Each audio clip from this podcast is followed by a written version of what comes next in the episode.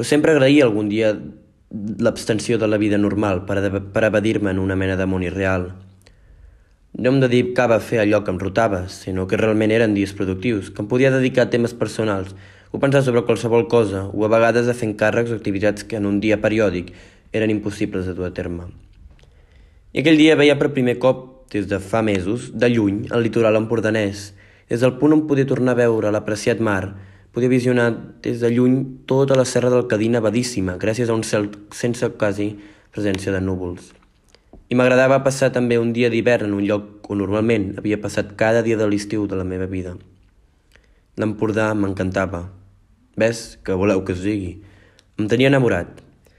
M'agradaven els seus arrossars, la seva magnífica gastronomia, la seva gent, els seus pobles, les seves cales, les seves platges, el seu mar, els seus camps, els seus castells. I tenia guardades moltes memòries i records. Em considerava un amant de la seva filosofia i la seva essència. I aquell cel, sempre clar i d'un blau maquíssim, i el seu mar cristal·lí. I sempre que hi anava em sorprenia. Descobria alguna cosa nova i m'agradava descobrir-la en estacions diferents, per tal de veure la seva evolució.